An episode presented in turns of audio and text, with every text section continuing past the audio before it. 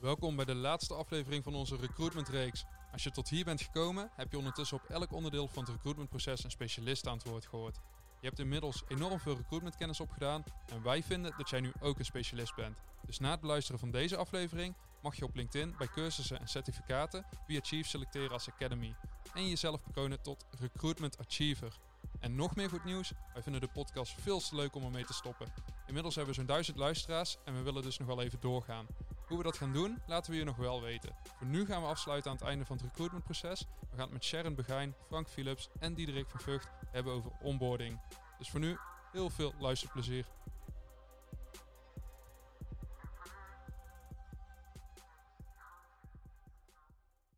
Nou, welkom. Welkom in Den Bosch.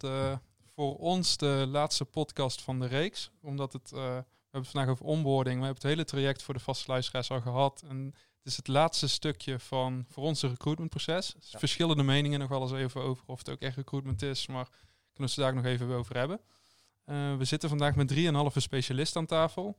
Sharon Begijn, projectmanager op het gebied van onboarding bij de, bij de zorggroep. Ja, uh, we hebben Frank uh, Philips aan tafel, eigenaar van Yes We Connect. En we hebben onze eigen Diederik, die, die zich ook nauw betrokken met onboarding bezighoudt. Dus het wordt een interessante, iets andere aflevering dan normaal. Uh, misschien wel leuk dat jullie wel even beginnen met een kleine voorstelrondje. We hebben niet alle tijd, dus als dat in een uh, soort elevator, elevator pitch zou kunnen, dan... Uh, het is wel een groot gebouw. Neem wel voldoende tijd, maar niet... ja, we hebben geen uren. Sharon, zou jij, zou jij willen beginnen? Ik zal mijn best doen. mijn naam is Sharon Begijn. ik ben momenteel werkzaam als projectleider bij de zorggroep. Um, en hierbij hou ik me alleen maar bezig met het project onboarding. Superleuk. ik ben zelfstandige en ik werk daar via Reef. Um, dat ben ik. Oké. Okay. Uh, Frank? ja, leuk. Goede vraag ook om te beginnen. Maar ik vind het dan ook altijd heel erg leuk om een heel klein beetje iets persoonlijks uh, te vertellen.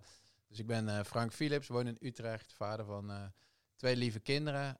Um, van, ja, zo direct moet ik wel weer op tijd weg. Ik heb een afspraak met mijn zoon. We doen inmiddels bootcamp sessies in het kader okay. van de coronatijd. Hij zat wat Kijk. veel binnen, veel op het scherm. Dus ik heb al die jonge gasten bij elkaar getrokken. Jongens, we gaan uh, bootcampen. Dat is heel leuk, erg leuk om Tof, te doen. Leuk. Ik vind het zelf leuk. En ja, nu dus ook met hun heel erg leuk. Dus we zijn twaalf en dan rennen ze achter me aan een uurtje straks. dus daar moeten we straks wel weer naartoe. Maar nee, dus zakelijk gezien, Yes We Connect is mijn bedrijf samen met Muriel opgericht.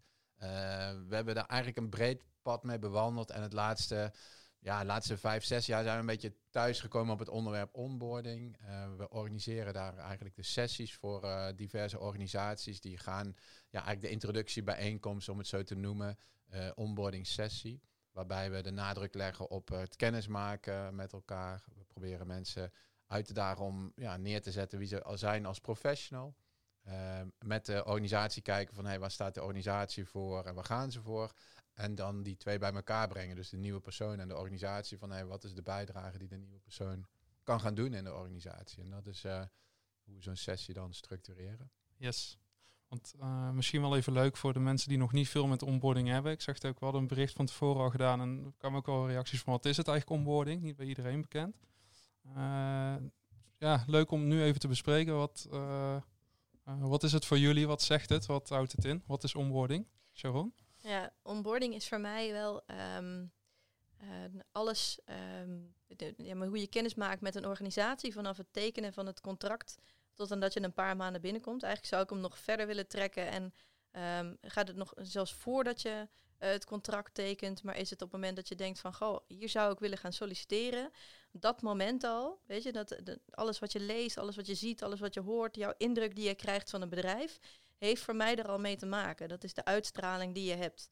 Heel de uh, employer branding, zeg je, is eigenlijk al een aspect van. Ja, het is heel het gevoel. Weet je, deze tijd is het gewoon zo dat we veel bewuster keuzes maken. En dan gaat het niet alleen maar om uh, eten en drinken en hoe we leven, maar ook dat we bewuster kiezen voor een bepaalde baan. We kijken ook niet alleen maar naar uh, functie-eisen, maar we kijken ook naar hoe de cultuur is, hoe mensen met elkaar omgaan.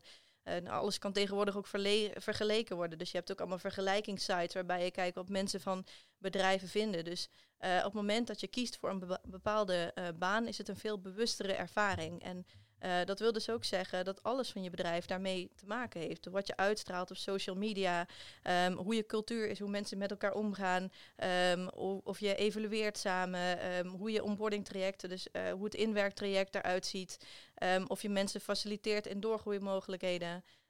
ja, ik vind dat alles daarmee te maken heeft. Hoe zien jullie dat, mannen? Nog aanvullingen? Ja, ik denk dat daar ben ik het mee eens. Uh, met name ook inderdaad van uh, wat je net zei vanaf het tekenen contract, zeg maar. Ik denk dat inderdaad dat het moment daarvoor al is. Dus uh, het eerste contact met, met de organisatie, dat kan zijn met recruiter of met een ATS-systeem of met de vacaturetekst of wat dan ook. Ik denk dat daar inderdaad de onboarding begint. Um, ja, en dat dan inderdaad in de eerste 90 à 100 dagen cruciaal zijn voor iemand voor, voor een stukje beeldvorming van blijf ik of blijf ik niet. Ja. ja. Vooral ook de bevestiging, hè? Heb ik de juiste keuze gemaakt? Om voor dit bedrijf te gaan werken. Dat is wat je zoekt in die, die eerste momenten. En die, die eerste glimlach, uh, die persoon die jou uh, begroet. Um, of dingen voorbereid zijn. Dat kan zo cruciaal zijn. En te weten van, goh, eh, wat ik heb achtergelaten, is dat het waard om, om hier verder te gaan? Ga ik hier me verder in ontwikkelen? Want feit is ook gewoon, hè, we besteden zoveel tijd aan ons werk. Um, ja, het is gewoon belangrijk dat dat iets is waar je je prettig voelt. En uh, die bevestiging zit hem dus in meerdere dingen. Ja. En, en met name inderdaad ook voor die nieuwe generaties wordt dat, is dat belangrijk. Hè? Millennials, dan heb je een nieuwe generatie nog. Ja. Is het nog weer belangrijker inderdaad, hè? Die, die balans tussen privé en werk. Dus ik denk dat het ook steeds, steeds meer waarde heeft. En, en de, de mensen het ook steeds belangrijker vinden van dat die balans goed moet zijn. En ook steeds kritischer naar een werkgever worden van... Ja, voorheen, vroeger, hè, toen die arbeidsmarkt natuurlijk anders was, was, was een werkgever in een soort van machtspositie. Van ja, als je voor ons mag komen werken, is dat, hè, dan is dat er heel wat. En ik denk dat nu andersom is. Het is gewoon een kandidatenmarkt. Dus die kandidaat bepaalt. En als het bij jou niet leuk is of niet leuk genoeg is, dan gaat hij weer verder. Ja. Ja, ja, ik denk dat het tweeledig is. Ik ben het deels met je eens dat het inderdaad komt omdat de markt omgedraaid is. Maar anderzijds denk ik ook omdat we dus bewuster zijn gaan leven. Omdat we het allemaal belangrijker vinden om gezond te zijn. Maar ook uh, dat je echt werk hebt wat je, wat je gelukkig maakt. Waar je blij van wordt. Omdat je daar zoveel tijd aan spendeert. Doe maar, ik weet niet hoe het met jullie zit. Maar mijn werk heeft zoveel effect op hoe ik me voel. Uh, in mijn dagelijks leven. Uh, dat het wel belangrijk is om iets te doen wat je leuk vindt, waar je energie van krijgt. Ja. Terug te komen op je vraag, ik vond de vraag heel goed en, en de antwoorden ook heel goed, want ik denk dat, dat het dat ook is. Hè. Dus je, je gaat heel breed kijken naar welk bedrijf kies ik voor en dan wil je daar onboorden. Ehm, ik, ik, merk wel dat het ook een soort uitnodiging is om in een soort moeras terecht te komen als, als alles onboarding is en iemand staat opgesteld voor dat project, zeg maar. Dan is het soms zie je dat gebeuren, dat het te breed wordt aangevlogen en dat het dan ja, onnodig complex en groot wordt. En dat is wel soms heel zonde en onhandig voor de mensen die daarmee aan de gang gaan. Want als je het gewoon in probeert te kaderen, dan kan je natuurlijk altijd zeggen van ja, we missen ook weer iets. Dat is natuurlijk ook zo. Uh, en aan de andere kant maakt het het wel overzichtelijk, want het is al complex genoeg. Dat is eigenlijk het andere punt waar mensen vaak in vastlopen. Het is best wel een heel complex gebeuren. En als je het dan in ieder geval kan inkaderen tot bijvoorbeeld inderdaad het moment dat iemand ja zegt en 90 of 100 dagen, dan heb je in ieder geval daar het houvast van ja, of uh, houvast van hé, maar dat is het dan. Uh, dus dat ja, als toevoeging. Ik denk, ik denk dat het soms dat voor mensen wel makkelijker maakt. Uh, ja. ja. maar ik vind wel dat je hoeft het niet in je eentje te doen, hè? Nee. Doe maar dat vind Absoluut. ik wel een, een, een, um, een ding als ik kijk naar het project wat ik doe. Uh, ik ben degene die het coördineert, maar ik heb wel allemaal mensen van verschillende onderdelen van de organisatie uh, die zich allemaal focussen op hun eigen stukje. Uh, daar waar recruitment bijvoorbeeld ook uh, op de vacaturetekst, et cetera, kijkt. Um, en uh, ik met de echte teammanagers en de inhoudsdeskundigen kijk naar het inhoudelijk stukje. Um, dus als je het zo opdeelt en iedereen zich laat focussen op hetgene waar hun kracht ligt, dan kun je hem wel groter aanvliegen. Want ik ben wel van mening, je kan niet... Um, je kan het niet op een klein stukje doen. Want ook, zeg maar, stel je wil een fantastisch onboarding traject neerzetten maar het blijkt dat de, de rest van je interne organisatie nog niet op orde is, dan val je wel in een gigantisch gat op het moment dat dat enorm afwijkt van hoe de rest van je organisatie gestructureerd is. Dus je kan het niet heel klein aanvliegen. Je moet wel echt naar het grotere plaatje kijken, vind ik, voordat je zoiets gaat implementeren. En ook goed nadenken hoe je dat gaat implementeren. En een onboarding, ik denk dat hem daar ook in zit, hoeft niet ingewikkeld te zijn. Het gaat vooral ook om tijd en aandacht. En als je zoiets doet, doe dan vooral iets wat past bij je organisatie. Als jij een basic organisatie hebt, ga dan niet allemaal high-tech oplossingen inzetten. Uh, maar ga dan ook iets doen dat, doen dat past bij de cultuur. Zodat het niet is dat als ze daarmee klaar zijn, dat het ineens een hele andere wereld wordt. Want dan kan het zijn dat alsnog die verwachtingen niet overeenkomen. Ja, wat, ja, wat het denk ik ingewikkeld maakt, is dat er verschillende afdelingen met elkaar moeten samenwerken. Ja. En met name binnen de grote organisaties is dat vaak lastig. Uh, maar je kunt nog zo'n goed onboardingsprogramma hebben bedacht, maar als ICT niet meewerkt of niet betrokken is, ja, dan zal iemand nooit op de eerste dag zijn uh, inloggegevens hebben, dan is er geen laptop. Dus al die afdelingen die moeten met elkaar samenwerken. Ik denk dat jij ook dat bedoelt, Frank. Nou, dat, dat, maakt het, al complex. natuurlijk. Dat is al de complexiteit. En, uh, en, en ja, ik ben het ook wel helemaal met je eens. Aan de ene kant is het natuurlijk zo, het heeft misschien als je puur focust op onboarding en de rest is slecht, ja, dan doe je iets natuurlijk niet goed. Uh, maar het is wel een beetje de vraag, ja, tegen wie praten we op dit moment, zeg maar. Hè? Als je -huh. de ja, programmaleider onboarding bent, je bent, staat daarvoor opgesteld, dan is het ja, dan kan het enorm afleidend werken als je ook allerlei andere dingen erbij gaat pakken waarvan je denkt van ja, maar dan moet ik dat ook allemaal gaan beheren en beheersen. Terwijl, ja, oké, probeer even dat stuk te doen. Maar in, ik, als, als, als vanuit een uh, organisatieleiding of een HR-leider in een organisatie, zal je een bredere focus moeten hebben. Want dan heeft het inderdaad niet zoveel zin natuurlijk als je alleen maar één itempje oppakt. Uh, maar ik, ik, zie, ik zie mensen in organisaties hiermee worstelen. Um, en, ik, en ik zei het bij, bij het inleidend gesprekje ook al eventjes. Uh, je moet er als organisatie ook goed over nadenken wie je natuurlijk zo'n project laat doen. Omdat er toch best wel uh, nou ja, complexiteit zit in processen, in systemen, uh, verschillende afdelingen die erbij betrokken zijn. Het is zo'n moment waarop heel ja. veel samenkomt. Uh, dat maakt het toch best wel complex. En, um, en dan zie ik ja, bij diverse organisaties dat daar mensen daar naar voren worden geschoven om dat maar eventjes te doen. die misschien niet alle vaardigheden hebben om zo'n complex project dan uh, tot een goed einde te brengen. Dus, dus dat zie ik wel gebeuren in de praktijk. En dan ja, zou ik zeggen als advies, probeer het in ieder geval overzichtelijk te maken voor jezelf van wat het dan is en, en uh, wat kleiner. daar beginnen. en van daaraf weer gaan uitbouwen. Um, ja. En dus dat is een beetje wat daarachter zit. Hoe ja, kader jij hem af, Frank? Wat is voor jou dan het, uh, waar begint het en waar eindigt Ja, het? dus op het moment dat iemand zegt van uh, ik ga hier beginnen, dus... Uh, Zijn handtekening zet? Ja, dat is al vaak een ander moment, want dat, dat, in grote organisaties loopt dat ook niet één op één. Hè? Ah. Ik, ik zeg nu van, hey, jij doet mijn aanbod, ik zeg akkoord. Dat is het eigenlijk, hè? Dat, ah. Die handtekening, soms is dat dan weer nog later. maar in ieder geval, het moment dat je zegt van, hey, ik ga dit doen... tot, ja, inderdaad, een dag of 60, 90, 100 in... in uh, na het begin, na dag één. En, en dat is een mooi traject om proberen vast te pakken uh, met alle opmerkingen die er net omheen gemaakt zijn. Mm -hmm. en mijn, mijn advies zou wel zijn om uh, in ieder geval eerst te onderzoeken waar je organisatie voor staat. Qua cultuur, qua wat voor, ja, wie is de doelgroep. Um, zodat je in ieder geval zorgt dat wat je neerzet, dat dat niet te veel daarbij afwijkt.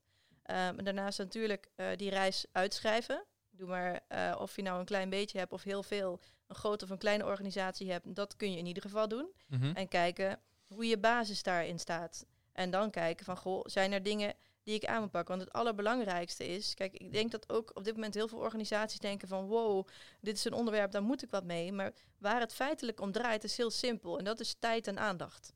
En hoe je die gaat geven, um, dat is, dat is de clue bij onboarding. En uh, waarbij je dan gaat kijken naar die reis en je gaat kijken naar, goh, uh, wat past er bij de functie die die persoon gaat uitoefenen? En wat wil ik dat mijn organisatie uitstraalt? En die twee dingen die zijn van invloed op hoe en wanneer je aandacht geeft en tijd. Ja, want hij lijkt heel groot, hè? maar je zou natuurlijk uh, wat, wat platter kunnen slaan. En kijk, zeg van, nou, vanaf het begin, het eerste contactmoment hebben gezegd, dat is onboarding, tot en ja. met die 90 dagen. Um, en wat zit er tussenin? En ja. hoe zouden we, als we het morgen opnieuw zouden mogen doen, hoe zouden we dan het onboardingsproces neerzetten? En dan kun je inderdaad ook gaan zeggen van, nou, dit hoort bij ICT, dit hoort bij HR, dit hoort bij die afdeling, ja. dit hoort bij de, de lijn. Um, en dan, dan kun je ook, zeg maar, denk ik, een werkgroep samenstellen. Dat je weet van, oké, okay, ik heb deze mensen nodig, die moeten in een projectgroep zitten. Dan, dan is het ook wel plat als van, we moeten iets met onboarding doen. Uh, dat is best wel een grote, grote term. Ja, dat is ook je... wat ik gedaan heb. Maar ik zou hem wel eerst een stapje terugpakken. Want ja, je kan hem nieuw opzetten. Maar kijk eerst naar wat je al hebt. Ja, uiteraard. uiteraard. Nee, sowieso. En uh, zeker, ben ik met je eens. En inderdaad ook betrek de medewerkers erbij die er Juist. werken. Ja, want vaak bedenken wij als HR zijn iets van, nou, dat zouden wij wel fijn vinden. Nee, dat uh, moet maar het gaat uiteindelijk om die verpleegkundigen of die monteurs of die brandweermannen of politiemannen. D daar gaat het om. Dus check ook bij hun inderdaad. Van, ja, wat, wat hebben jullie behoefte aan? Ja. Precies, juist. Want ik zeg ook altijd van, goh, uh, ik heb in het verleden heb ik heb ik training gegeven bij, bij KPN. En dat is heel lang geleden overigens. Toen werkte ik als callcenter agents. En er was toen een training die werd toen gemaakt in eerste instantie door externe trainers. Ehm, en later heb ik die training zelf gedaan. En ja, weet je wat het is? Ik heb zelf ook ondervonden dat het is niet mogelijk, of niet mogelijk, het is minder makkelijk en minder, hoe noem je dat, effectief als je een training gaat ontwikkelen zonder dat je de functie zelf uitgeoefend hebt. Een inwerktraject. Dus je hebt die inhoudsdeskundigen heb je zo hard nodig. En die weten ook naast de theorie, hè, welke praktische trucjes, wat er nou echt belangrijk is in praktijk om die functie goed uit te oefenen. Dus ja, betrek die vooral erbij en zet zelf wel een, een structuur op waarbinnen je dan die input kan gebruiken. Ja. En daarbij hoort dan inderdaad, eh, dit, dit is super waardevol en relevant. En daarbij hoort dan nog uh, de stap dat je dus ook die starters uh, ja. interviewt, uh, feedback ophaalt en uitzoekt van ja, wat hebben die nou echt nodig en waar lopen ze tegenaan. Dus je moet echt een soort open kanaal ook houden met die nieuwe medewerkers. Van ja, wat, wat, ja, en wat wij gedaan hebben is, uh, wij hebben een, uh, een aantal inhoudsdeskundigen gevraagd. Dan hebben we twee ervaren mensen en uh, één nieuwe per functie. Die hebben we bij elkaar gezet en hebben we samen een lijst gemaakt van onderwerpen van, goh, wat moet je nou goed kunnen om die functie goed uit te oefenen. Waarbij die nieuwe dus ook konden zeggen wat zij misten. En wat we dan straks gaan doen, is dat we echt gaan anticiperen op waar komt iemand vandaan en hoeveel ervaring heeft iemand. En dan wordt er een inwerktraject op maat gemaakt. Wil hem heel even, want we zijn allemaal bezig over hoe het in elkaar zit en hoe het ja. steekt. Nog even terugpakken naar waarom is een onboarding zo belangrijk. Uh, ik denk dat er wel voor de luisteraars die er dus nog niet zoveel mee hebben, uh, leuk is om even over te hebben. Wat, uh, wat, waar draagt een goede onboarding aan toe? Ja, we hebben gezien, of we hebben gezien, we hebben um, dit uitvoerig besproken.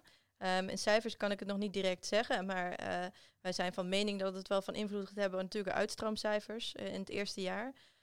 Kijk, bij ons is zo dat gebleken is dat er een, best een hoog percentage uitstroomt in het eerste jaar. dus wij hopen, hiermee dat we dat terug kunnen dringen. Dat het ook van invloed zal hebben op verzuim, doordat mensen beter weten bij wie ze moeten zijn. Um, en dat we beter contact hebben met ze, meer gaan evalueren.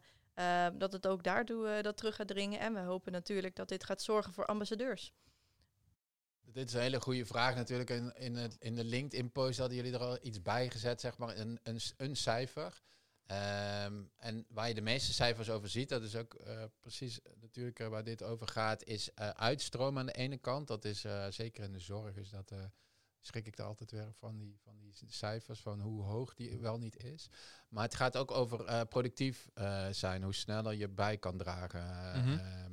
en, en per branche is dat dus heel verschillend, wat belangrijk is, zeg maar. Ik zat laatst bij een verzekeringsmaatschappij, daar zei ik ook van ja, en uh, dat draagt dus ook uh, bij aan uh, verlaging van de uitstroom. Ja, zei die man, we hebben helemaal geen uitstroom bij. Oké, okay, nou, is dat niet zo belangrijk. Um, maar wat hij dus aangaf is, ja, onze organisatie is super complex. Het is echt heel lastig om te begrijpen met allerlei uh, partners en partijen waar je mee moet werken, is het gewoon super complex om, om hierin mee te kunnen draaien. Zeg maar. Dus hoe sneller iemand begrijpt hoe die complexiteit in elkaar zit, hoe dingen op elkaar aanhaken, hoe belangen lopen, zeg maar, hoe eerder iemand een bijdrage kan leveren. Dus bij hun was dat argument weer heel erg uh, groot. Uh, en dan kan je per organisatie kan je dit gaan in kaart gaan brengen en in ieder geval over nadenken. En als je erover gaat nadenken, kan je natuurlijk ook grootheden aan proberen te hangen. En die grootheden zijn misschien niet 100% nauwkeurig, maar die, gaan, die zeggen je wel iets, zeg maar, zo'n, bij zo'n uh, verzekeringsorganisatie. Ja, hoe eerder iemand, als iemand een maand eerder uh, zijn werk uh, kan doen, dan kan je natuurlijk gewoon een maandsalaris bij wijze van spreken meerekenen.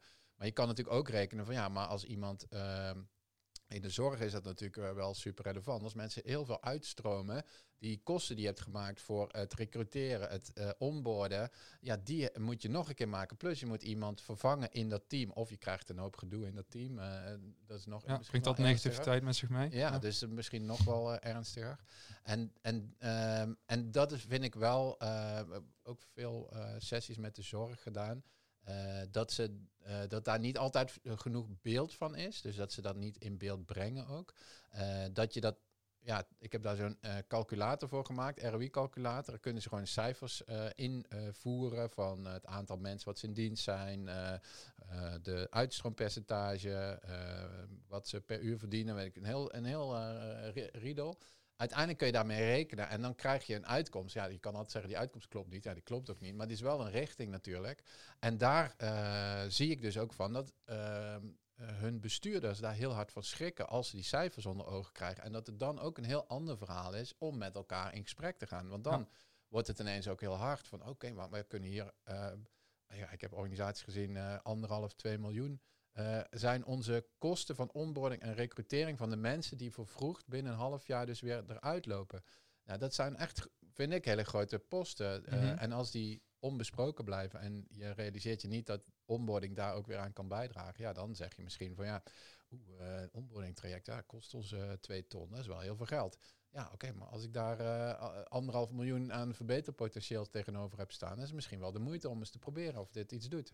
Is dit ook meteen een start om draagvlak te creëren als jullie zo'n traject aangaan? Want ik kan me begrijpen dat als uh, bijvoorbeeld in de zorg waar we net over hebben, zo'n verzorgende die is gekwalificeerd, die zou de taken de eerste dag al kunnen uitvoeren. Dus heel veel managers die hebben zoiets van, ja, ik heb nu dat gehad, ik heb het liefst als het morgen al begint. Um, ja. Ik heb helemaal geen zin in een onboardingstraject van een maand. Ik denk dus dat dat in de zorg gebeurt. Hè. Dus dan zetten ze gelijk aan het bed. Uh, vast niet bij jullie, maar bij heel veel andere plekken. Gelijk aan het bed, gelijk meedraaien, productie maken. Uh, zonder goed hè, de, rust te nemen om iemand goed in te werken. De rust te nemen om iemand bij te praten van hey, wat vinden we nou echt belangrijk? Vanuit welke filosofie leveren wij onze zorg? Uh, het, ja, de collega's goed leren kennen, ehm, mee kunnen lopen. Eh, iemand hebben die naast je meeloopt om je wat dingen uit te leggen en te helpen.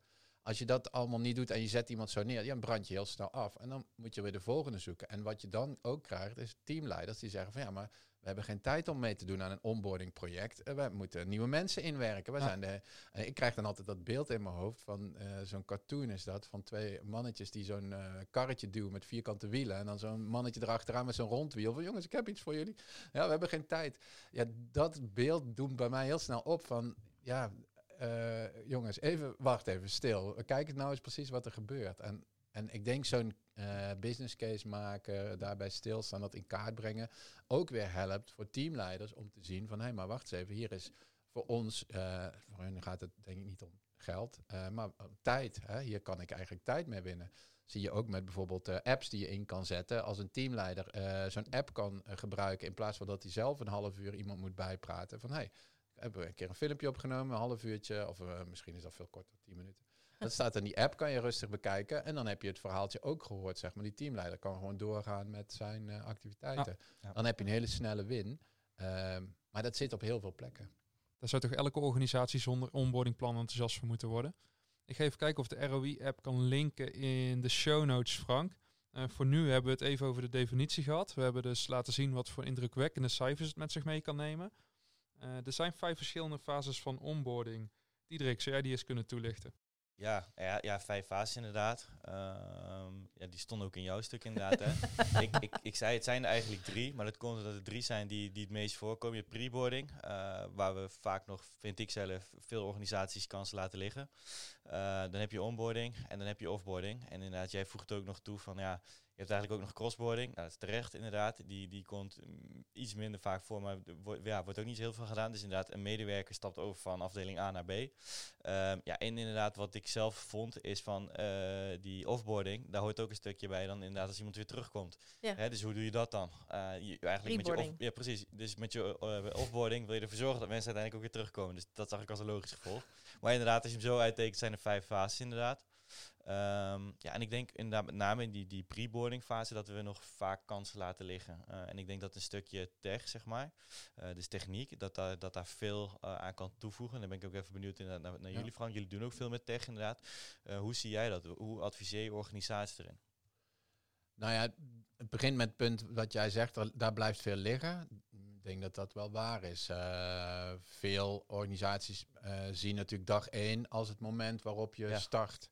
Um, en uh, afgelopen november was uh, uh, Onboard Week van Epical. En daar heb ik me actief tegenaan bemoeid. En dus ook heel veel gehoord van wat alle sprekers doen. en je ziet daar een, een diversiteit aan aanpakken. Ehm, de meeste van de sprekers hadden trouwens een Epical app natuurlijk. Ja. Uh, dat was een beetje de rode draad. Maar, uh, uh, maar wat je dan hoort is inderdaad dat daar zit een soort uh, blinde vlek nog wel voor veel organisaties. Van oh ja, iemand is natuurlijk ook al voordat hij binnenkomt, heeft al een soort commitment naar ons toe. En we kunnen hem dus al dingen uh, aanbieden. Uh, hij zal misschien ook wel nieuwsgierig zijn of zij. Zeker. Dat is natuurlijk ook zo. Iemand is ook wel nieuwsgierig. Dus daar is zeker ruimte. Uh, maar dan, volgens mij, één stap weer terug, waar we het net ook over hadden, moet je dan wel een beetje een gevoel bij hebben van welk type komt er bij ons binnen. en daar zit een heel groot verschil in. Dus de ene ik, ik heb daar twee hele, hele simpele types voor in mijn hoofd zitten. De ene is degene die zeg maar uh, uit de schoolbanken stapt en uh, over twee maanden begint uh, bij je organisatie, of over een maand. Ja, die gaat nog eens op vakantie en die kijkt, nou dat kan nu ook niet. En die kijkt nog eens om zich heen en die kijkt Netflix en die heeft heel veel tijd om van alles over jou al tot zich te nemen. En dan heb je zelfs organisaties die zeggen van ja, we halen trainingen al naar voren. Dus je hebt al trainingen gedaan, je bent al ja. helemaal klaar uh, voor dag één, zeg maar. Ja, dat is natuurlijk heel interessant, want dat ja, ook wel weer heel persoonlijk. Uh, want ik, ik iemand, bijvoorbeeld een, uh, een CEO, die uh, nog druk is bezig bij organisatie A en die stapt over naar B, die heeft twee maanden opzichttermijn. Ja. ja die, die, kan me voorstellen inderdaad, die zoiets heeft ja, ik kan niet nu al twee maanden van tevoren alles gaan inlezen, want ik ben nog druk bezig om hier af te ronden. Dus ik denk dat het ook heel persoonlijk is. Maar inderdaad, ik denk dat de kern van de boodschap is van ja, zorg in ieder geval dat er niet twee maanden of een maand lang radiostilte is. Hè? Dat je inderdaad niks meer van jezelf laat horen en dat iemand op stoep staat van, oh ja, Jij kwam ook nog vandaag. Dat klopt, als je in, die, in die journeys gaat nadenken, inderdaad, dan, dan kom je erachter of uh, ja, een bepaald type uh, ruimte heeft in, zijn, in zijn schema. En uh, wat je dan eventueel daarin aan zou kunnen bieden. En je kan natuurlijk ook dingen uh, facultatief aanbieden. Hè. Doe, wil je alvast meedoen met de training of wil je alvast ja, Dat kan er bij wijze van spreken ook uh, open worden neergelegd. En ja, ook hele simpele dingen. Denk gewoon van een bloemetje. Hè. Geef je die op de eerste dag als iemand misschien met de fiets komt. Of geef je dat bloemetje uh, een week van tevoren met een videoboodschap erbij van je nieuwe collega's. We kijken uit naar je komst. Dat soort hele simpele dingen die relatief weinig tijd kosten. Als je daarover na gaat denken. Uh, dat kost kan in een grote organisatie juist heel veel tijd.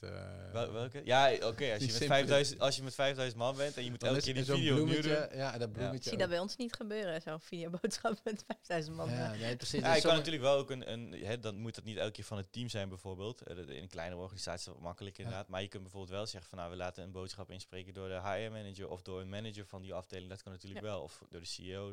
En dat is wel het leuke van Epical, dat je dat, uh, wij gaan ook met Epical werken. En dat je daarin uh, dat stukje mooi mee kan nemen. en dat je hem dan zo persoonlijk mogelijk kan maken. Ook al is het niet persoonlijk persoonlijk, om het zo maar te zeggen. Ja. Uh, maar inderdaad, dat je wel die contacten hebt en dat je. Um, want ja, we hadden net ook al over dat je een onboarding traject persoonlijk maakt, op maat maakt. Um, en inderdaad, ik heb, we hebben van tevoren die, uh, die brainstorm sessie gedaan van welke vragen heeft iemand. En daar kwam ook uit dat de ene collega zei, ik heb daar helemaal geen zin in om van tevoren al dingen te lezen. Terwijl die ander zegt, ik ga alles, maar dan wat ik dan ook maar kan vinden, ja. uitpluizen. Ja. En inderdaad moet je dan iemand gaan forceren om dan die eerste weken die training, uh, vooraf die training al te gaan doen als hij dat niet wil, ja, dan bereik je ook het tegenovergestelde. Ja, dat is mooi van techniek. Hè? Je geeft iemand de kans ja, uh, om het wel te doen of niet te doen. Je laat iemand precies. daar vrij in. Oh, ja, inderdaad. inderdaad. Ja. En dan, daar uh, kan je dan wel, ja, als, als er uh, drie op de tien al de training al hebben gepakt, is natuurlijk al een voordeel. Ja. Maar inderdaad, dit soort dingen is wel interessant. Ook die, die bloemetjes en die dingetjes en zo. Die, die, ja. ik, ik, denk dat jij dat ook net heel duidelijk aangaf. Van het, het gaat om aandacht. Hè? Ja, en, zeker. Uh, en een bloemetje is ook aandacht, inderdaad.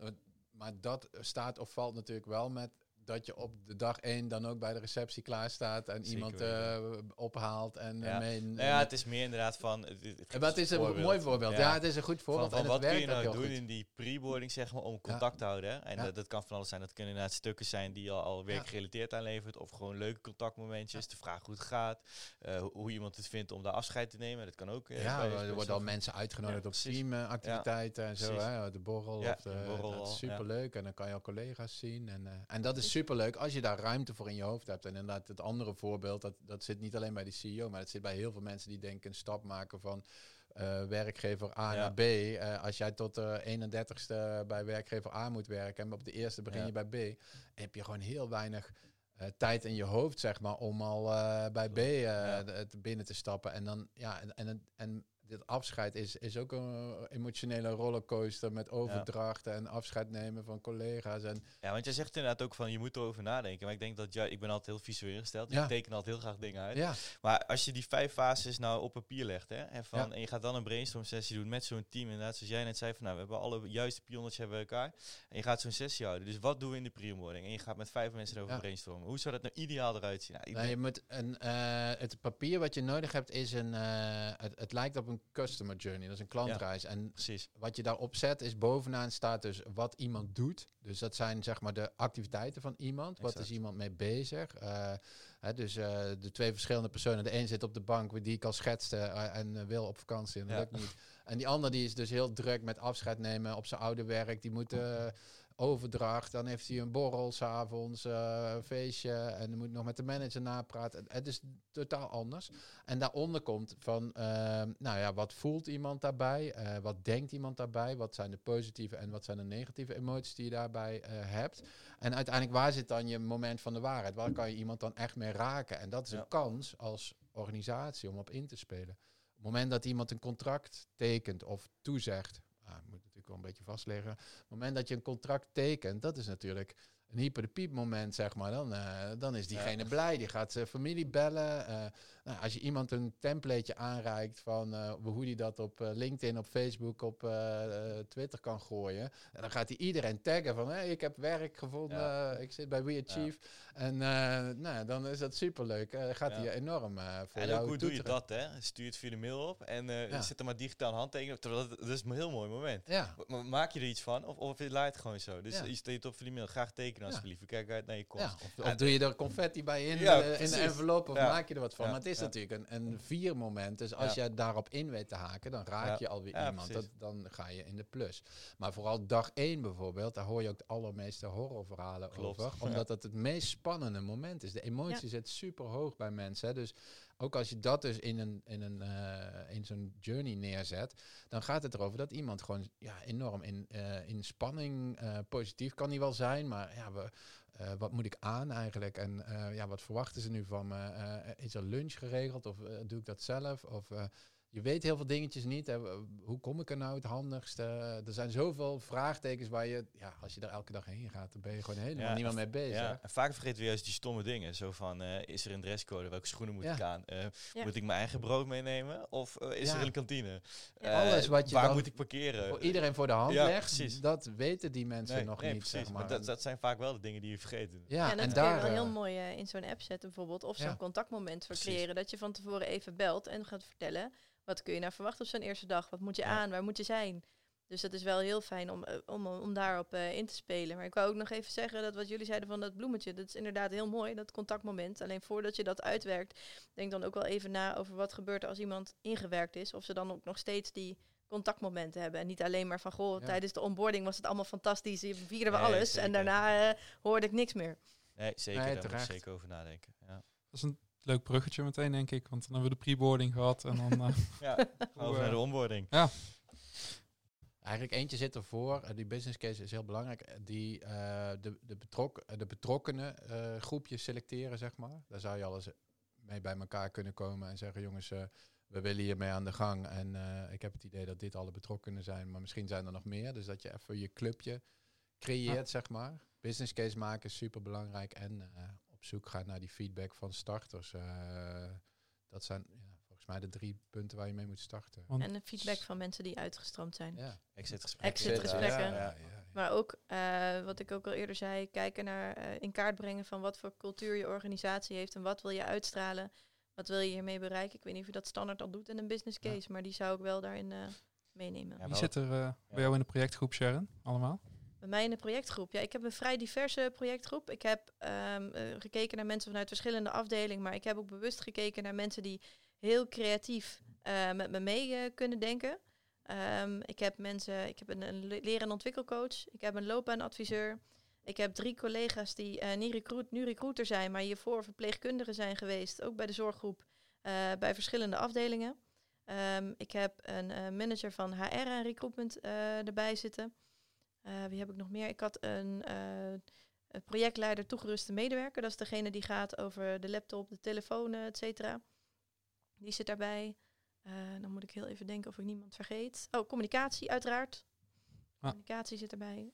dus ja, zo, ik heb een vrij diverse projectgroep. waarbij, ehm, en die nodig gedurende het project, ik her en der ook nog wat adviezen vragen of mensen om een paar keer aan te sluiten of eenmalig of dat is. Maar dat was wel de, de basis die ik had, zeg maar. En dan probeerde ik wel echt um, allemaal mensen van verschillende uh, functies erbij te betrekken. Uh, dat is waarmee we de voorbereidingen gedaan hebben. En intussen heb ik ook nog een projectgroep met inhoudsdeskundigen. Dat zijn echt dus de mensen die nu verzorgende IG zijn, uh, of verpleegkundigen of helpende, teammanagers, teamcoaches. Um, dus dat is de, ja, de, de projectgroep inhoud, zeg maar. Merk je dat dat vertraagt het ook niet heel erg om zo'n grote club te hebben? Of heb je daar een tip of twee voor om dan toch je nou ja, ik denk wat wij hadden, wij werkten heel fijn samen met zo'n online, uh, oh nou weet ik niet meer hoe dat werkt, uh, of hoe dat heet, zo'n zo'n online bord waarin je al je vorderingen bijhoudt. En dan zeg je gewoon nog te doen, mee bezig en af. Ja.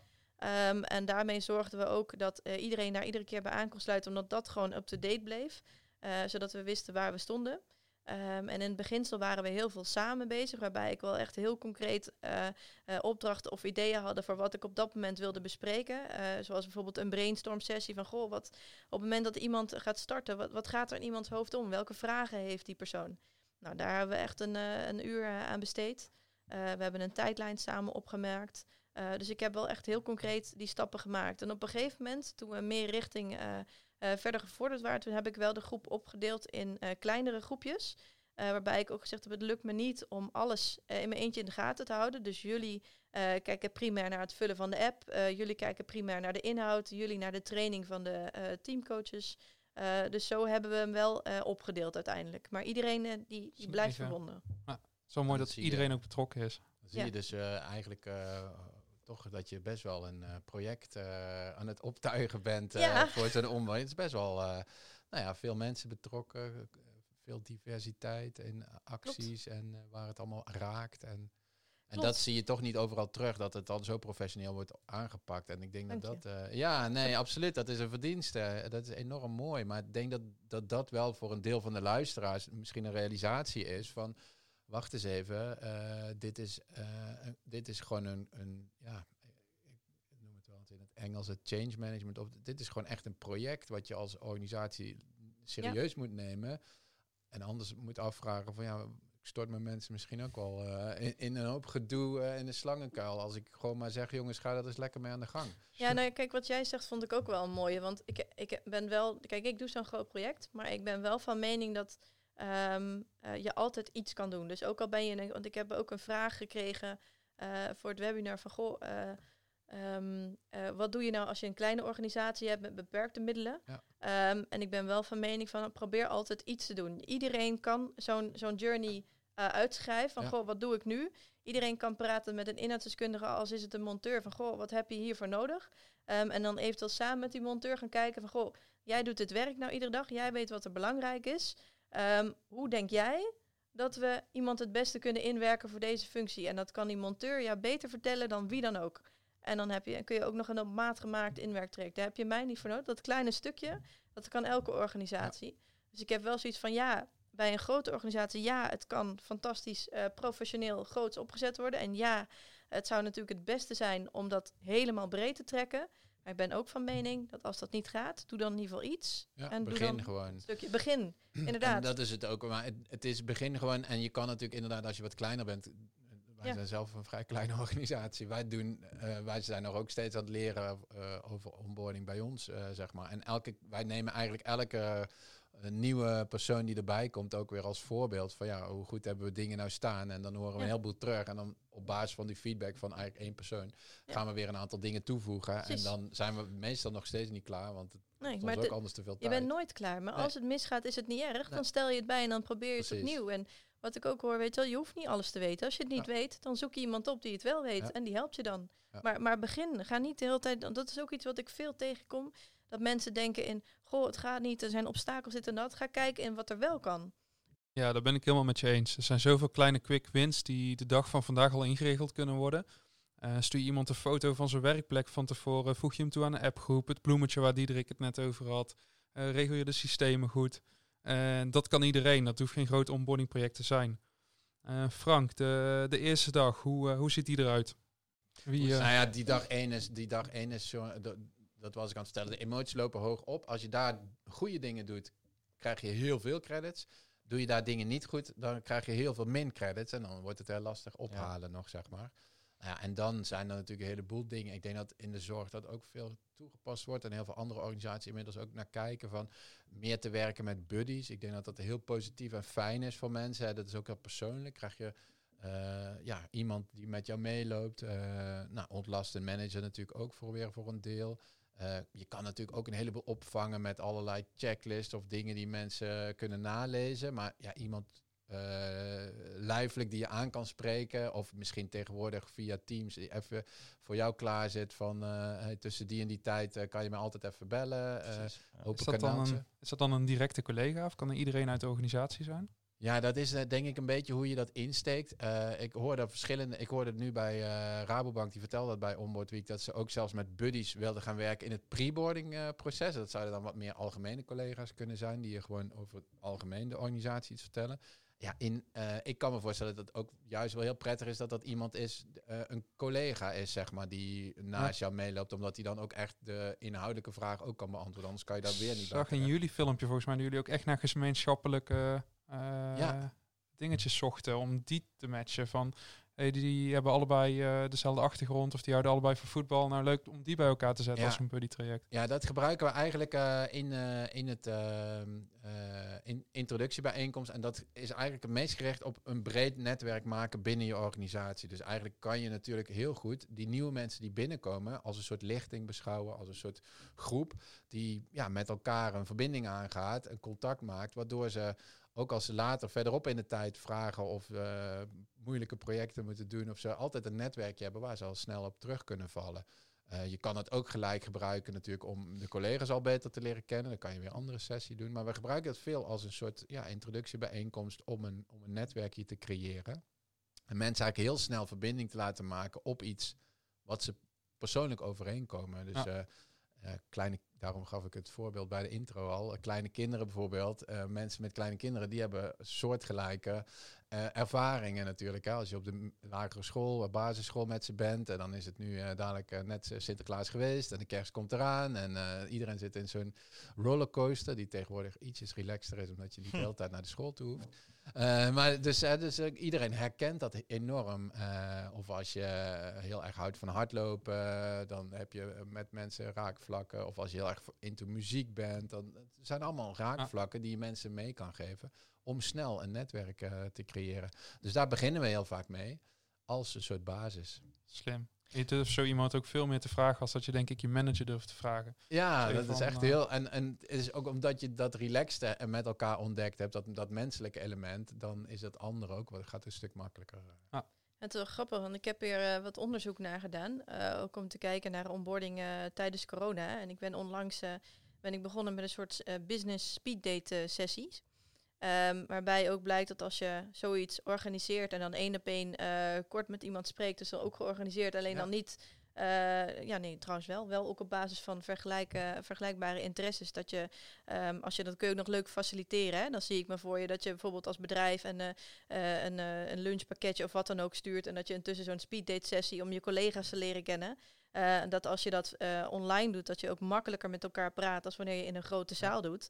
Um, en dat je dan kort gewoon even wat meer over jezelf vertelt en zo die connecties legt. Want ik las, las ook dat artikel van uh, Japke Bauma, waar het om ging dat hetgene wat je echt mist bij onboarden is ook dat je iemand juist bij de koffieautomaat ziet. Of dat je van iemand hoort van, goh, tegen die persoon kun je alles zetten, zeggen. En voor die manager moet je opletten dat je dat nou net mist. En hoe kun je dan toch zorgen dat je de dat je die informele die sfeer krijgt onderling met uh, collega's. Dus daar was ik onderzoek naar aan het doen. En ja, ik dacht dat speeddate, dat heb ik dan op businessgebied ervaren. En uh, dat leek me ook wel een leuke om dat zo in te zetten. Om, uh, om dat, ja. ja. zo mensen te leren kennen.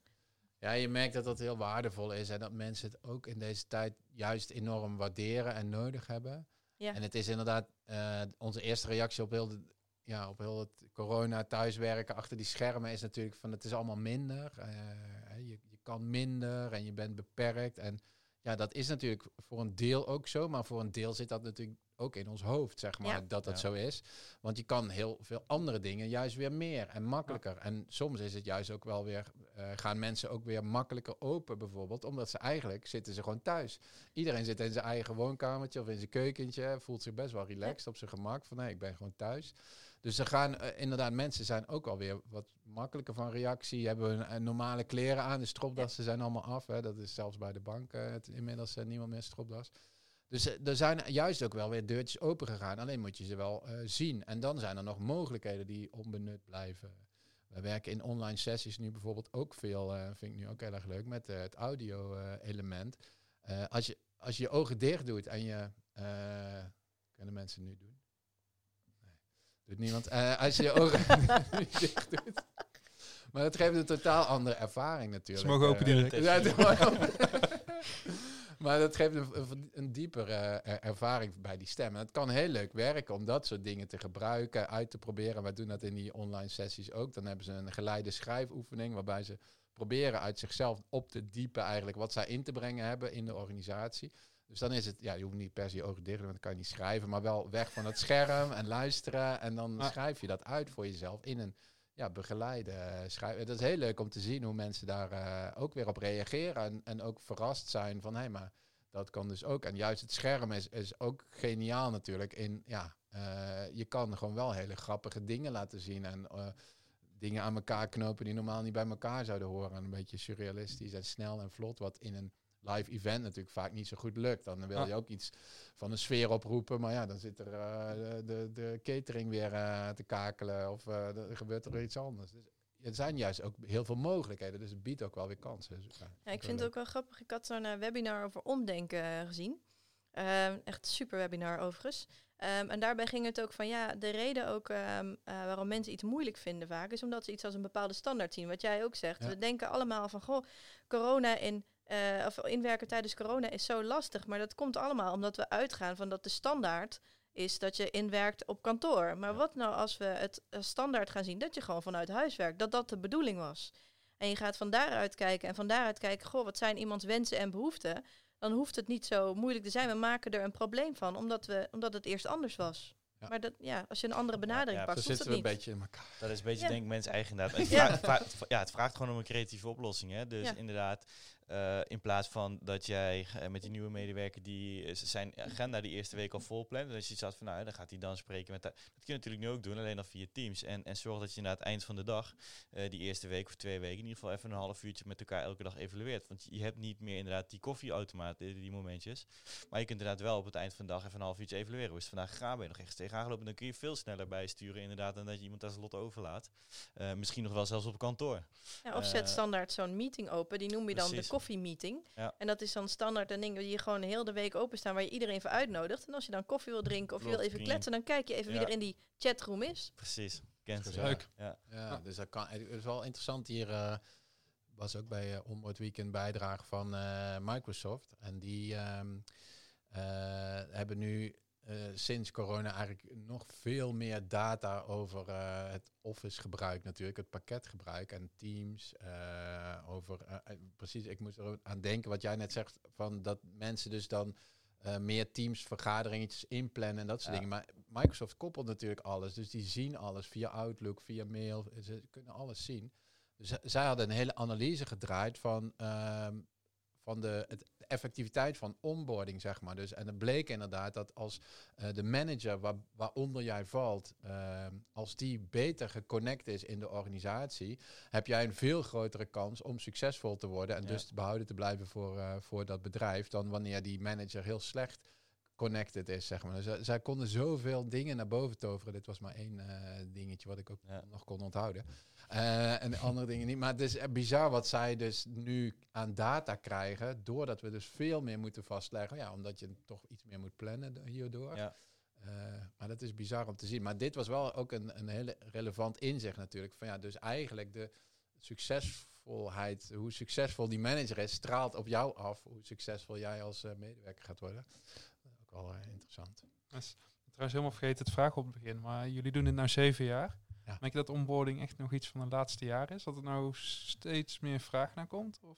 Ja, misschien wel, maar dat weet ik niet zo goed. Wij doen het best wel. We zijn er heel lang eh, mee bezig. En we waren er ook uh, heel lang deden we dat uh, erbij als een van de activiteiten. We waren eigenlijk wat breder georiënteerd. Probeerden we gewoon meer verbinding in organisaties te brengen. ook via teamsessies, via allerlei medewerkersbijeenkomsten, strategie-sessies, kick-off sessies. Heel erg leuk allemaal om te doen. En inderdaad, nu sinds dit jaar eigenlijk helemaal gezegd van ja, we doen alleen maar die introducties, die onboarding sessie. Uh, dat dat werkt voor ons heel erg goed. Dus ik weet ook nooit precies wat, de, wat de, de beweging van de markt is en wat er dan bij ons nu uitkomt. Ja. Maar je ziet er wel veel meer aandacht voor is. En veel, ja, ik denk het wel. Maar ik weet ook nooit of dat het algoritme van Google en LinkedIn is. Ja, uh, wat allemaal op me afkomt of uh, dat, ik dat, dat dat echt zo is. Maar ik denk het wel, ja. ja ik merk wel dat um, dus er zijn steeds meer sectoren die gaan sturen op cijfers. Hè. Je noemde net al van de, de zorg doet dat nog niet zoveel. Daar ben ik helemaal mee eens. Ik doe ook veel opdrachten in de zorg, dat, dat klopt. Ja. Er beginnen wel iets meer te komen. En ik heb het idee dat steeds meer sectoren dat doen. Dus er wordt steeds meer gestuurd op cijfers. Dus het belang daarvan uh, wordt ook steeds inzichtelijker. Dus ik denk dat inderdaad daarom ook steeds meer ja, organisaties inderdaad ook steeds meer vragen. Ja, die hebben zoiets van ja, het is toch wel heel belangrijk. Hè? We hebben jaarlijks een uitstroompercentage van uh, 25%. Ja, wat ik er een beetje, wat mij wel het meeste stoort, zeg maar, in die discussies, dat er gedaan wordt alsof dat een soort HR-vraagstuk is onboarding. Nee. Maar het is gewoon een operationeel Zeker. primair proces. Ja, is gewoon, dit, dit moet je gewoon supergoed organiseren. Dit is de efficiëntie, de effectiviteit van hoe mensen werken. En dat is misschien ja, in de tijd wat verandert. Mensen zijn natuurlijk echt leidend in het succes van je bedrijf geworden. Misschien was het ook al heel lang, maar misschien ontdekken mensen het dan nu meer. Maar ik denk dat het is. Als je, ja, maar als je onboarding niet op orde hebt, dan heb je, dat is, heb je gewoon een, fout in je primaire proces uh, zitten eigenlijk. Uh, Helemaal mee eens. Wij uh, moeten een beetje naar de afronding toe. ik denk dat we snel het onboardingsproces nog even moeten bespreken, want we zijn op de helft. We hebben de eerste dag gehad, je hebt de bloemen in de bus gehad, je hebt misschien een appgroep toegevoegd. we hebben een buddy toegewezen. Zijn er nog dingen die we niet besproken hebben hierover? nou ja, regelmatig evalueren. Dat vind ik wel een belangrijke. Van, goh, hoe gaat het met je? Uh, want ook blijkt namelijk is dat heel veel mensen niet durven te uiten als ze, um, als ze hun iets gevraagd wordt waar ze zich nog niet comfortabel bij voelen. Mm -hmm. um, en dat ze wel echt iemand nodig hebben om dat bij uit te spreken. En dat dat ook schijnbaar een grote reden is voor mensen om weg te gaan bij een organisatie. Ja. Um, dus uh, ja, regelmatig evalueren en eventueel dus ook met een collega. Dat je daar inderdaad makkelijker dingen tegen zegt. Um, ik denk dat het ook belangrijk is dat je naast dat je kijkt naar het inhoudelijke proces, dat je ook zorgt dat je medewerker weet bij wie ze waarvoor terecht kunnen. Uh, dus als je vertrouwenspersonen hebt, maar ook als je uh, wil wisselen van team, als je uh, ja, gewoon als je ergens mee zit, dat je weet wie waarvoor bereikbaar is. Maar ook als er iets is met je computer, dat je weet wie je moet bellen. Um, dus om te zorgen dat dat, dat, dat op orde is.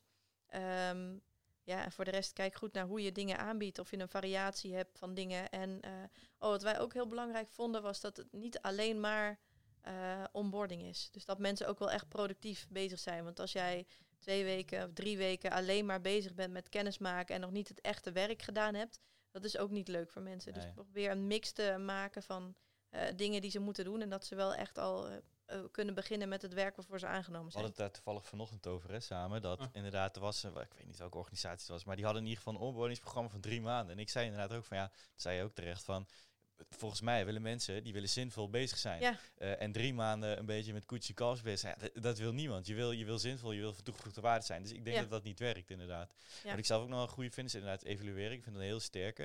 En ik denk dat het goed is. Ik heb dat toen destijds een keer uh, geprobeerd bij een organisatie. Dat werkte daar heel goed. Is elke maand naar nieuwe medewerkers, dus de eerste zes, zeven maanden, uh, dat ze gewoon een smiley moeten invullen. Hoe gaat het? Groen, oranje of rood. Kan je ook elke dag? Dan kun je per, ja, ja, dat is wel heel veel. Maar nou, per, per, maand, als je dat doet, ja. dan kun je in ieder geval per maand meten uh, hoe het gaat. Waar het dus ook niet goed gaat. En je weet als je bijvoorbeeld drie keer rood op een afdeling hebt, nou, dan moeten we daar misschien maar eens een keer gaan kijken hoe het daar gaat. Want waarom is het daar zo vaak rood?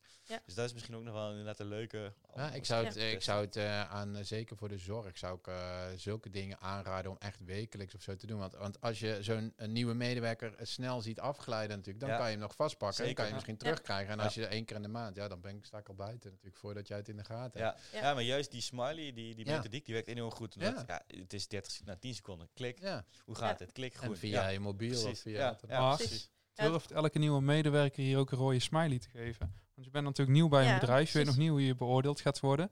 Uh, durf je die negatieve feedback te geven in je onboardingsfase? Wat is er negatief aan? Nou, dat het niet goed gaat, durf je dat dan te zeggen? Ligt misschien ook aan de vraag. Maar kunnen we daar... Ja, ligt aan de vraag, ligt aan de cultuur. Eh, van de organisatie. Ik hoop dat, dat, dat de medewerkers zich wel zo vrij voelt. Als dat niet zo is, dan heb je ook niet heel veel aan die andere evaluatiemomenten. want dan durft iemand waarschijnlijk niet vrij uit te spreken. Nee, nee, Als je zo'n cultuur hebt gekweekt dat dat niet mogelijk is. Ja.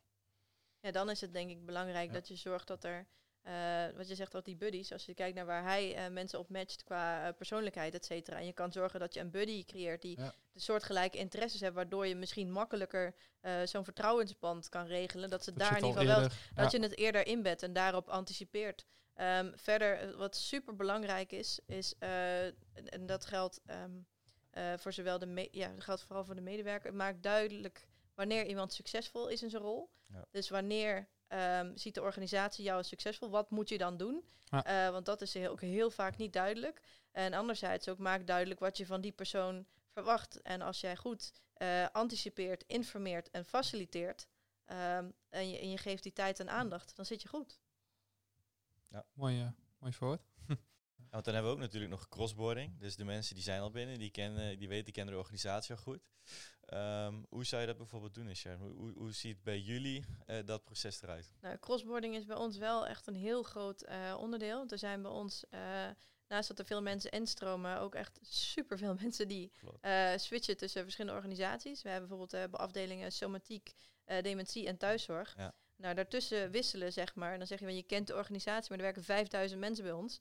Ja, dan kan je alsnog, als je wisselt naar een andere sector, kan het nog steeds voelen als een nieuwe baan. Ehm, dus ik ben van mening dat deze dat crossboarding minstens net zo belangrijk is als eh gewoon een onboarding.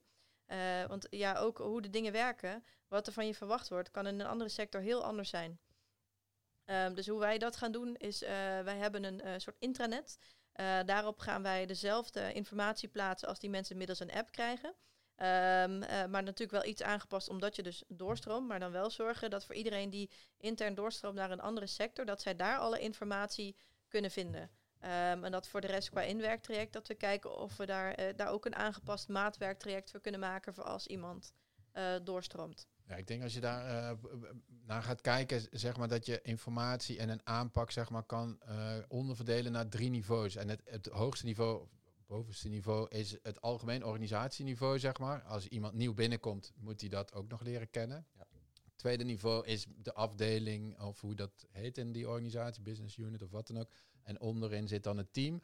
Ehm, en ja, als jij nieuw in een organisatie komt, moet je al die drie niveaus leren kennen. Volgens mij is de volgorde eerst team, dan, af, dan organisatie en dan afdeling. Een beetje een rare volgorde, maar dat, eh, volgens mij werkt dat wel het beste. Kan ook nog uitleggen, maar ik weet niet of daar nog tijd voor is.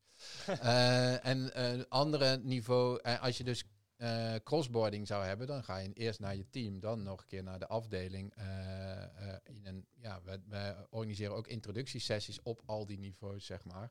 Maar je kan ook nadenken over de informatie die voor welk niveau voor, eh, het van toepassing is. Of in Apple kan Ja. je dingetjes met vinkjes en aanvinken van wat heb je dan nodig. Als je daar zo naar kijkt, volgens mij kan je dan best wel makkelijk eh, die crossboarding ook leiden, begeleiden. Ja, zeker. Ja, en ik denk inderdaad dat het binnen de zorg best wel veel wordt gedaan. Ik denk als je kijkt naar andere branches, bijvoorbeeld binnen de elektrotechniek of zo, of, of, of installatiebranche, dat het daar wel meevalt. Ja, dat, Eh, ik denk dat het daarin eh, verschilt precies eh, wat er zojuist gezegd werd, in welke vlakken je dingen moet delen. Als jij als monteur wisselt naar een andere afdeling, dan zal misschien de informatie en de regels rondom een stuk minder verschillend zijn als dat het in de, in de zorg is. Het is natuurlijk ook een verschil in, eh, in zeer specialistische functies of eh, eh, meer een bulk, om het uh, oneerbiedig te zeggen. Ehm, ja, dus ik denk dat daar wel een, uh, een verschil in zit in informatie die je noemt. Maar ik, ik denk dat ik nog steeds, ook al ga je alleen voor een andere functie, dat het heel belangrijk is. Want ook als jij kijkt naar dat je vanuit een andere uh, monteurspositie, dan is jouw jouw blik naar de organisatie toe, of wat jij betekent voor andere mensen, wel heel anders, of kan heel anders zijn als waar je eerst stond. Ja. Um, ook al zit je drie meter verderop, ik noem maar wat. Ja. Uh, dus dat zou ik zeker daarin meenemen en niet, uh, en niet vergeten. Nee, nee, nee. Ja. Oké. Okay. Dus, um, de laatste van het lijstje was de offboarding. Jullie daar ook uh, iets mee? Zijn jullie daarbij betrokken als mensen uitstromen of ligt dit uh, ergens anders verlegd? Ja, ik, vind, ik vond het leuk dat hij uh, meegenomen is in het, uh, in, het, in het stuk, zeg maar. Um, maar uh, het puur het uh, feit dat hij ook boarding als einde heeft, zeg maar, wil nog niet zeggen dat, dat hij erbij hoort. Dat hij erbij hoort. ja. Volgens mij is het echt een ander proces, wat uh, super belangrijk en relevant is, volgens mij. Uh, maar best wel ver afstaat van dit. Want Ja, iemand gaat eerst een hele carrière eh, door een organisatie als het goed is. Ja. Eh, ho- hopelijk zit hij er een jaar of vijf of weet ik hoe lang. En dan een keer eh, ja, nog, nog een rondje in de organisatie misschien, in een andere functie. En op een gegeven moment denkt hij van, ja, ik ga eens wat anders doen. Dan krijg je offboarding. Eh, ja, ik vind het er niet zo eh, bij passen of horen. Snap het. Het is Ja. wel een beetje hetzelfde, hetzelfde idee van dat je de mensen als soort van ambassadeur ook weer de Juist. organisatie Nou ja, uit wil dat is een heel mooi principe, absoluut. Ja, ik vind Eh, hem in die, in die zin vind ik hem dus wel erbij horen. Wat ik in het begin ook zei, dat eh, onboarding draait om alles wat je uitstraalt qua cultuur, qua organisatie. En dat het eigenlijk al begint voordat je ergens solliciteert. Nou, wat je eigenlijk wil in de ideale situatie is dat als iemand weggaat, dat het nog steeds een ambassadeur is. Dus ik hoorde van mijn collega dat zij is uitgezwaaid met een liedje wat ze gemaakt hebben en een cadeau, et cetera. Ja, als die op verjaardagen komt en eh, ze zoeken nog eh, mensen en Ja. eh, zij weet toevallig iemand of ze spreekt iemand die daar interesse in heeft. Ja, dan heb je wel een grotere kans dat, ehm, dat die onboarding vervolgens een stuk beter gaat. Ook door juist wat je zegt. Ehm, dus ja, misschien is het niet het eerste, de eerste prioriteit waar men mee zou moeten starten. Eh, maar ik zou hem niet vergeten, ook omdat het in het totaalplaatje hoort. Boomerang recruitment is ook echt een groot ding. Mensen keren Ja. heel snel weer terug naar de organisatie, omdat ze dan toch denken, "Ah, het gras was niet groener aan de overkant. Ja. En als je dan een hele goede offboarding hebt gehad, Ja. inderdaad, ik geloof dat we... Ja, en dat niet alleen, maar ook in die offboarding. Dus, dus iemand die gaat, en, en vaak is dat niet leuk voor een manager. Eh, maar hoe ga je dan ermee om? Ga je nog zorgen dat hij anderhalf maand productief is? Of ga je zo vervelend lopen doen dat hij ook helemaal niet meer dat hij niks meer doet? Hè, dat werkt natuurlijk ook in je offboarding bij. Ja, wat wil je ermee winnen? ja, nou ja, precies. Ja. ja, vaak wordt het vervelend gevonden door een manager. Hè, van, eh, als, als Piet opzegt.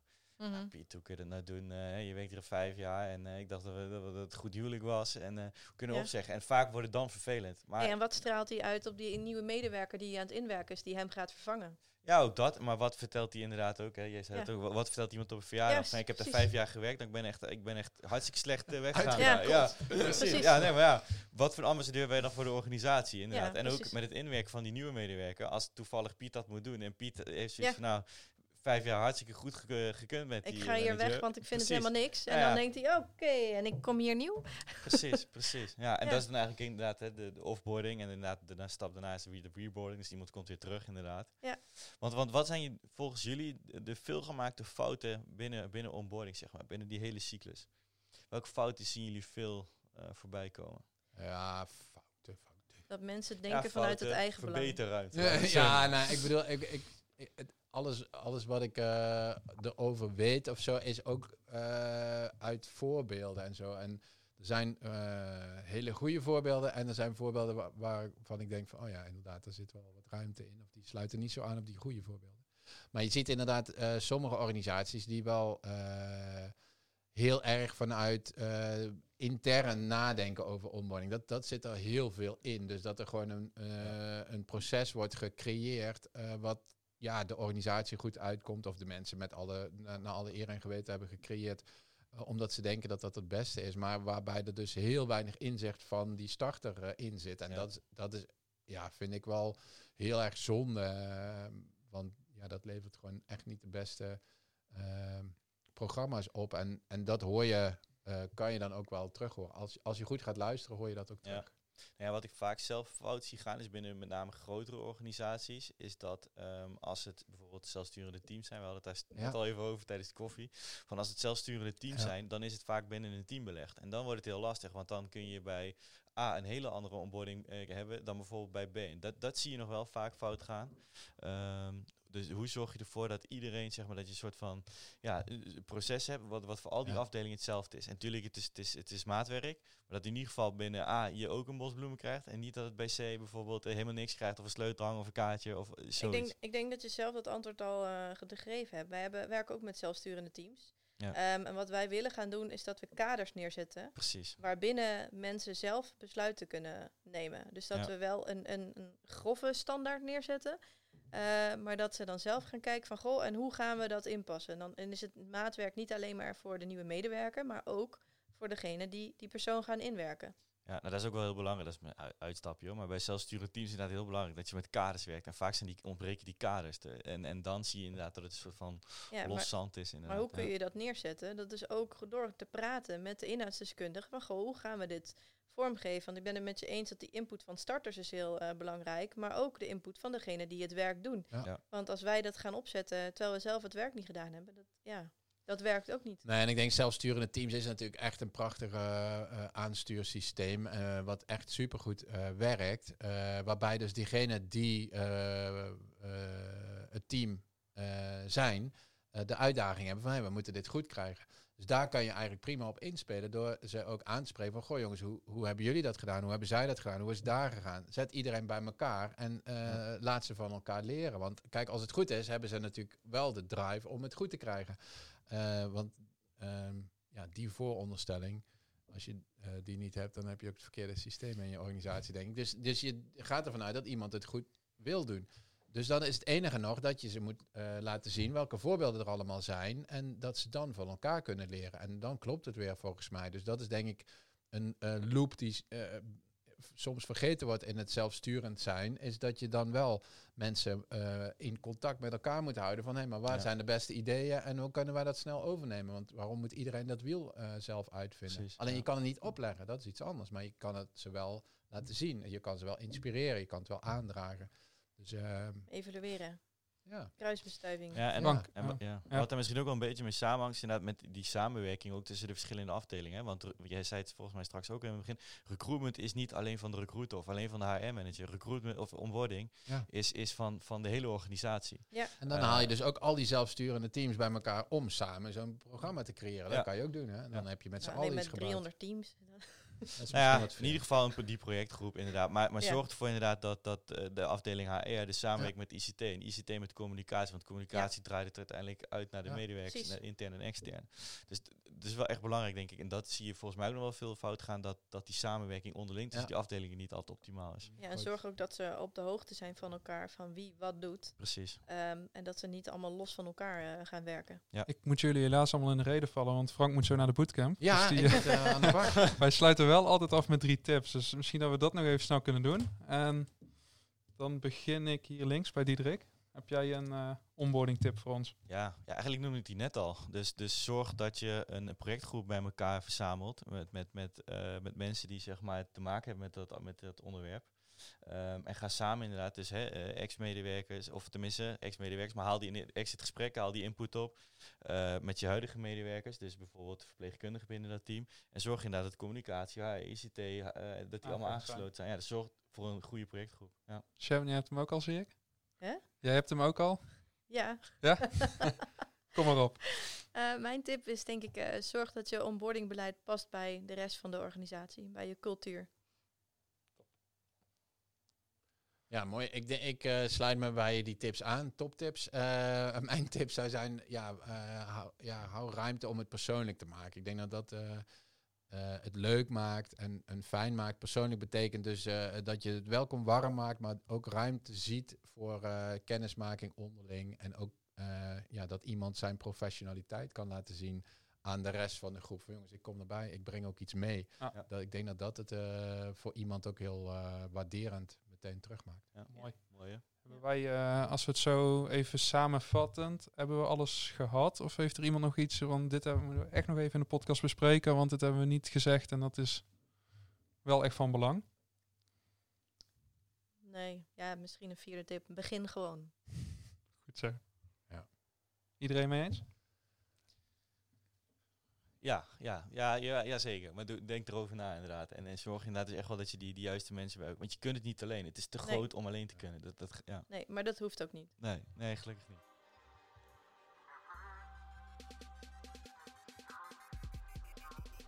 Dit was alweer de laatste aflevering van het gehele recruitmentproces. We hopen dat je er veel uit hebt gehaald en jezelf trots hebt bekroond als recruitment achiever. Vergeet ons niet te reviewen, liken of delen op social media. Mocht je nog vragen hebben voor ons of een van onze gasten, stuur dan vooral even een bericht. Voor nu geniet van de feestdagen en tot volgend jaar.